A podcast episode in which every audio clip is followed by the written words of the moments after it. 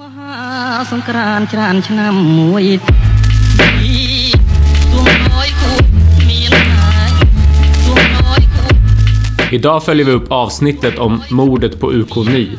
Myanmars regeringsparti har lagt fram en rad förslag för att förändra konstitutionen och militärens makt. Men är det på allvar?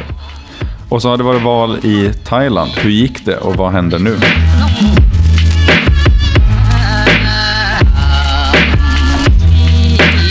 Sågs ju i eh, fredags, du och jag. Just men vi ville vänta med att spela in det här avsnittet tills det thailändska valresultatet hade kommit in. Mm. Ehm, så du är ju tillbaka i Göteborg och jag är i Stockholm. Um, ändå nu. Har det hänt något spännande sen, sen sist? Det har ju varit ledarskifte i, eh, i Centralasien, i Kazakstan. det. Just det. Ja, landets enda president som de har haft. Ja, eh, han har suttit 30 år eller något sånt där. Ja, ända sedan självständigheten från Sovjet. Ja. Och han har avgått självmant som jag förstår, eller? Nej men exakt, han är ju, eh, Nursultan Nazarbayev har ju styrt sedan, eh, sedan 1930 eh, 1991. Och det har ju funnits avgångskrav på honom tidigare. Folk som de- demonstranter och så som har tyckt att nu är det nog efter så Ja, lång det. tid. Men ja, det, det verkar ju som att han, han har ändå velat ta tid på sig att kratta manegen för sin avgång. Så att, eh, Ja, och de kommer ju inte bli av med honom i första taget heller. Nu har de ju beslutat att ändra huvudstadens namn till Nur-Sultan. Så att eh, han kommer nog finnas där som en ständig påminnelse framöver också.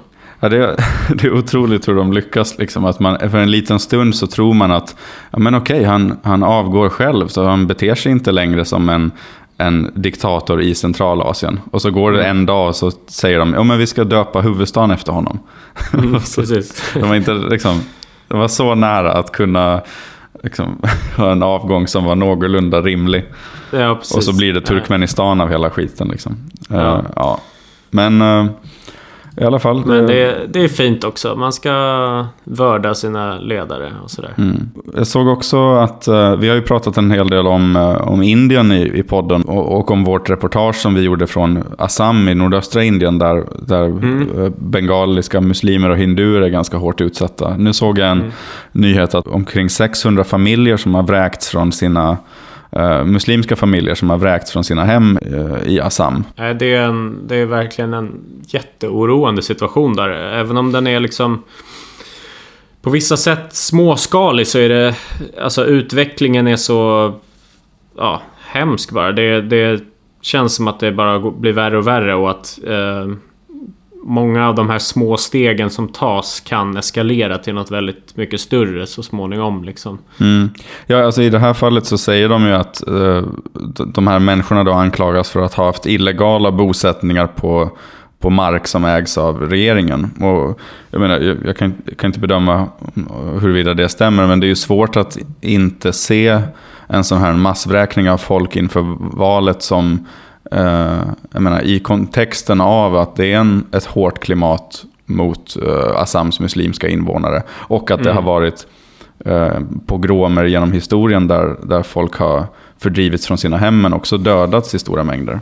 Ja, precis. Och också när man har sett hur eh, den lokala regeringen, där deras liksom respekt för eh, dokumentation av vad man äger och inte. Eh, eller just det. snarare avsaknad på respekt för det. Så ganska lätt till hands att tänka att även om du har ett papper som säger att jag har ägt den här tomten i 50 år och har liksom betalat skatt på den varje år så bara, ja men det räknas inte för du är utlänning. Nej, precis. Den, eh, den, den byråkratin är ju väldigt svår att värja sig emot. Mm. Ja, verkligen. Men eh, färskast först. Vi går tillbaka till Thailand. Hur har det gått i valet? Eh, Den stora skrällen är ju att, ehm, att det har gått relativt bra för militären och för deras parti. Eh, Det brukar ju inte alltid gå så bra för eh, militärer efter, efter kupper i valen. Det, alltså Thailand har ju haft, eh, jag tror man räknade till 12 militärkupper nu sedan, sedan 1932. Och de, det brukar liksom gå till lite så att först griper de makten och sen så, så styr man en liten tid och sen så ordnar man val. med liksom hoppet om att kunna fortsätta styra men med någon slags demokratiskt mandat. Men nästan alltid så brukar de här militärpartierna floppa ganska hårt i de valen efter att de har styrt. Mm. Liksom att väljarna, väljarna straffar dem. Men, Just det.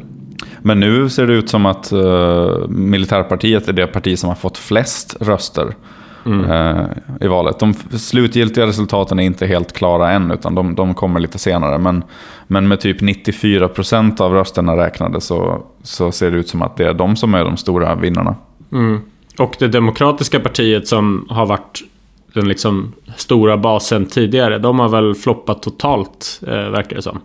Precis, det pro-monarkipartiet, pro Demokratiska partiet. Som, de, har ju, de har ju sagt inför det här valet att de inte ska stötta Prayut Chan-Ocha, alltså juntaledaren som premiärminister. Men samtidigt så har de ju tidigare samarbetat med militären för att eh, få bort Taksin-klanen från makten. Och det är väl, eh, ja, i och för sig nu är de ju, med tanke på hur små de blev i valet så är ju deras eh, liksom, betydelse eh, mycket mindre. Men, men det är väl fortfarande många som tror att det, det, kan komma att sluta så att de ändå eh, stöttar eh, en, en, en regering med militärpartiet. För alternativet för dem att backa upp eh, Pewtie, som är ett Taksin-troget parti, det, det, känns som mycket mer osannolikt. Mm. Och sen har det gått superbra för det här nystartade partiet vi nämnde sist också, Future Forward. Exakt.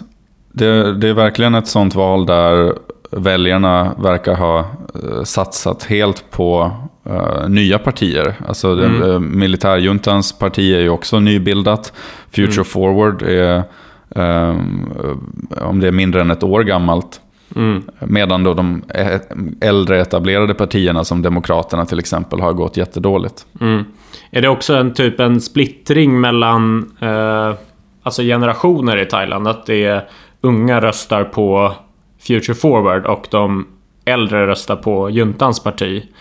Ja, det ser ju ut så. Uh, Future Forward har ju hämtat liksom sitt stöd bland, bland, de, uh, bland de yngre väljarna som kanske är uh, inte lika liksom, uh, Taksin-lojala som de som röstar på Pewtime, men som de ändå vill rösta för någonting nytt och för någonting som inte är militären. Mm. Ja, men vad innebär det här då? Liksom, hur kan en thailändsk regering se ut med det här preliminära valresultatet, tror du? Ja, den som det visste. Eller, det är ju... Uh, inget av de här partierna har ju i närheten av tillräckligt många mandat för att uh, själva uh, forma någon regering. Systemet är ju lite upplagt på ett sätt som, ska, som gör att det kräver koalitioner. Mm. Och som det ser ut nu då så Eh, parlamentet sammanträder ju inte egentligen förrän i maj. Så det är en ganska lång period nu fram till dess då man har eh, möjlighet att försöka bilda koalitioner och, och liksom försöka få till en regering från båda håll. Mm. Eh, Pewtai kommer ju att då leda någon slags försök att bilda en en civil regering, alltså utan inflytande från militären. Mm. Och på samma sätt så kommer ju Prayut chan och, och militär, mil, militärens parti att försöka bygga en koalition. Mm. Och där har ju han, jag pratade tidigare med, med Anders Engvall som är forskare på Handelshögskolan men han har bott i Thailand väldigt länge. Ehm, och han, eh, han förklarade det som att i den här processen nu att försöka bygga koalitioner så är det Prayut Chan-Ocha som har liksom, eh, alla trumfkort på, på sin hand. Dels genom att eh, Prayut fortfarande är eh, ja, diktator. Han har ju fortfarande absolut makt ända fram till nästa regering tillträder. Eh, och genom den här absoluta makten så skulle han genom dekret kunna ogiltigförklara hela valresultatet till exempel om, om oppositionen försöker bilda regering. Han skulle också kunna avsätta hela valkommissionen, tillsätta en ny valkommission som ogiltigförklarar valet och så vidare. och så vidare. Och sen så har man ju också militärens ja, militärmakt. Man skulle ju kunna tänka sig en, en kupp om de Thaksin-trogna partierna försöker bilda regering. Och sen så har man ju hela den här möjligheten att använda juridiska processer för att sätta press på eh, politiker att eh, stödja militären. För att eh, det ju, domstolarna tenderar ju att alltid eh, ja, stödja militären. Då.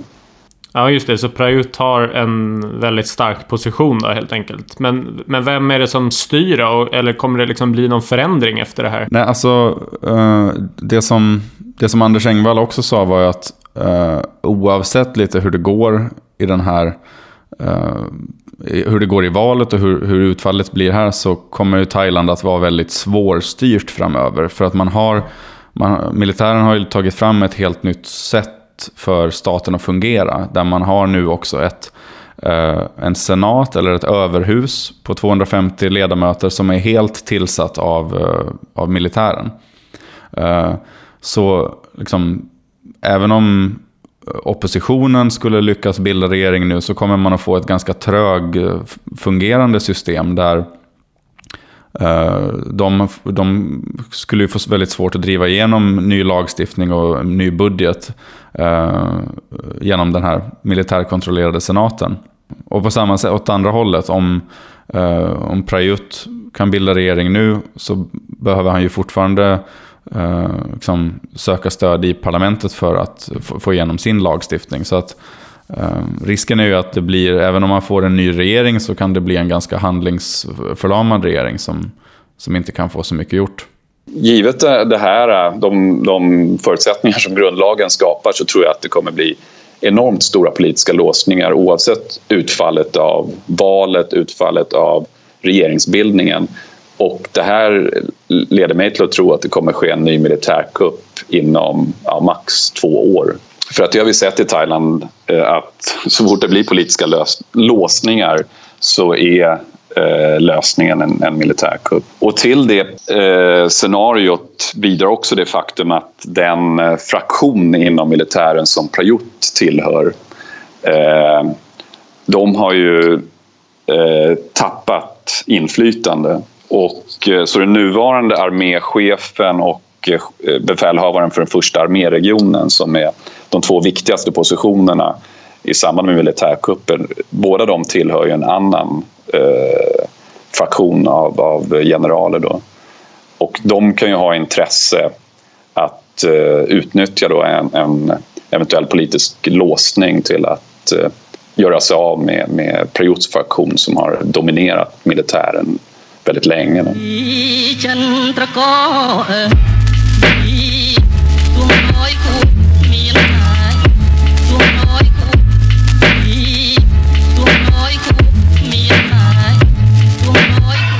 Vi flyttar oss lite västerut va? Vi har ju pratat om eh, Burma tidigare.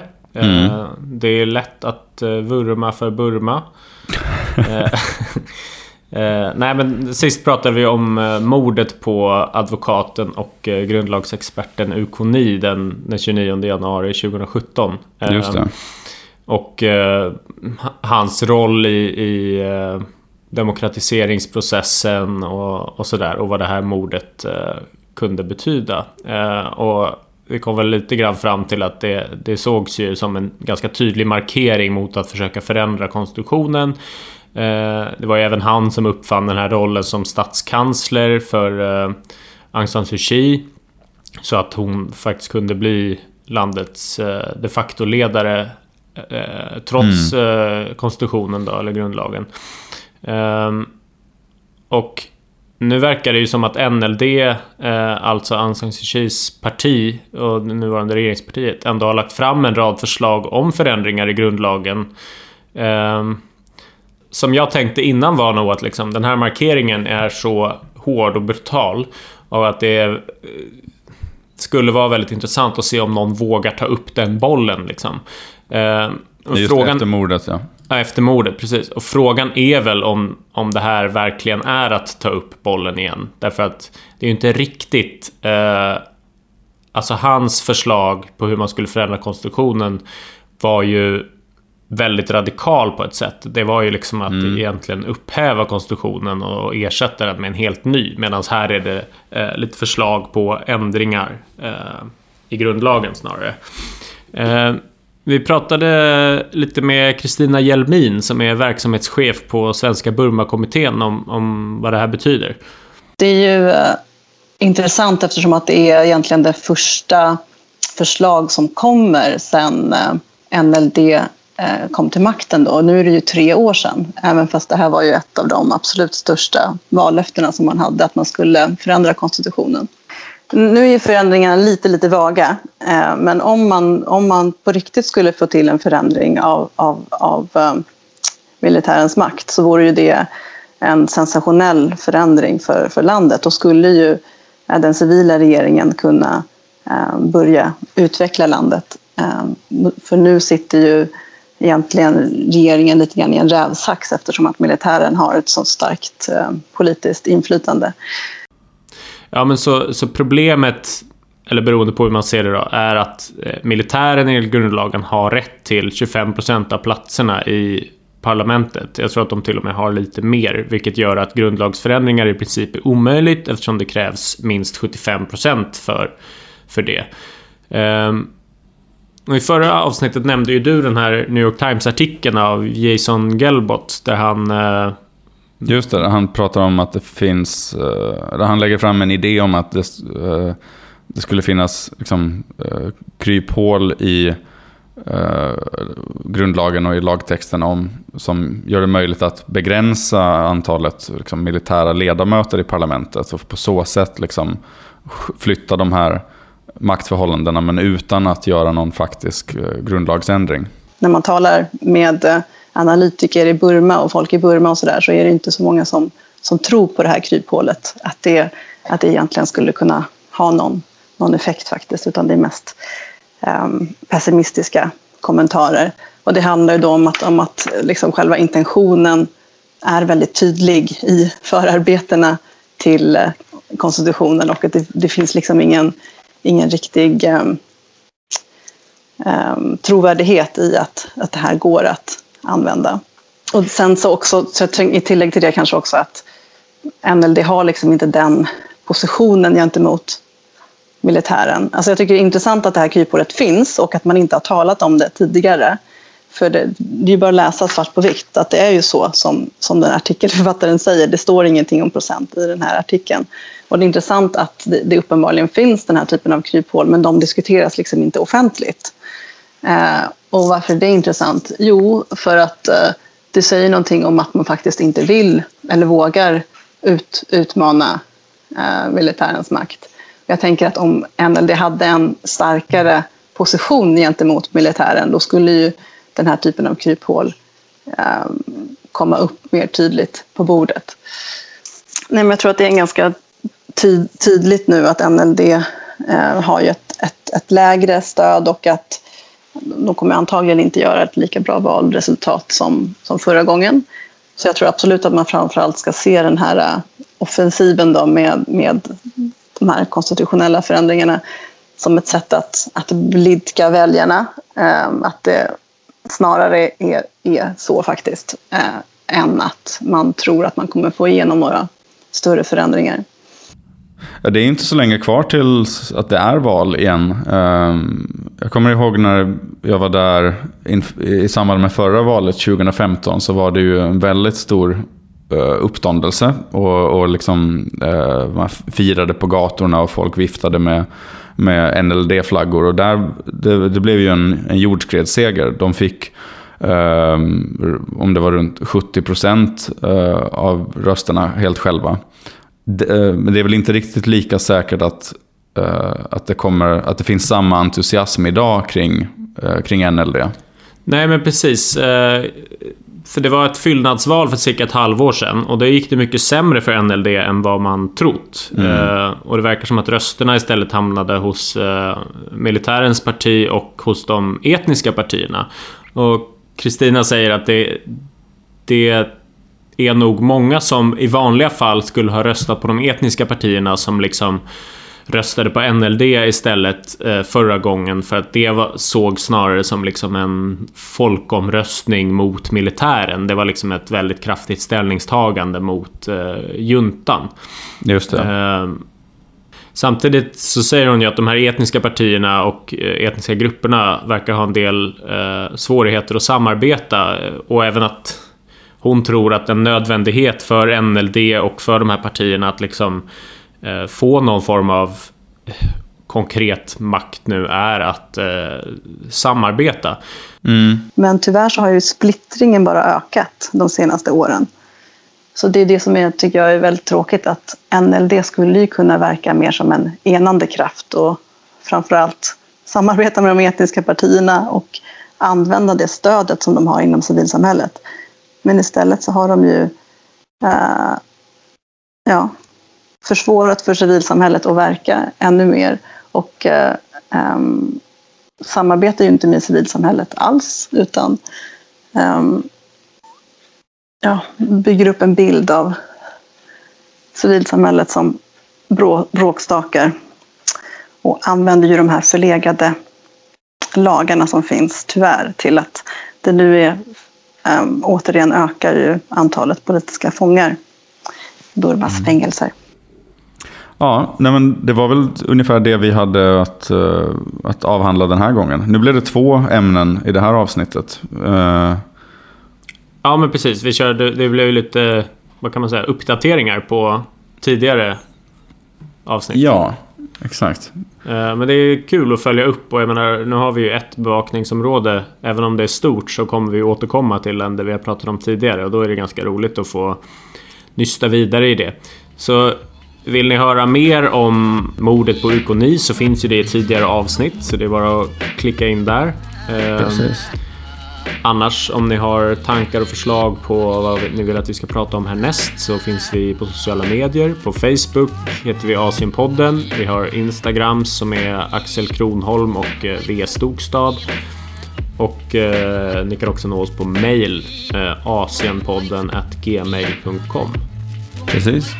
Eh, på Facebook försöker vi vara lite mer levande eh, bara poddavsnitt också. Så där lägger vi upp lite länkar och bilder och sånt som hör till det vi pratar om. Så där kan man få lite eh, extra material om man går in och kikar. Mm. Ehm, det var väl det. Det var det. Mm, tack, Tack för att ni lyssnade den här gången. Ha det bra. Tack, tack. Hej!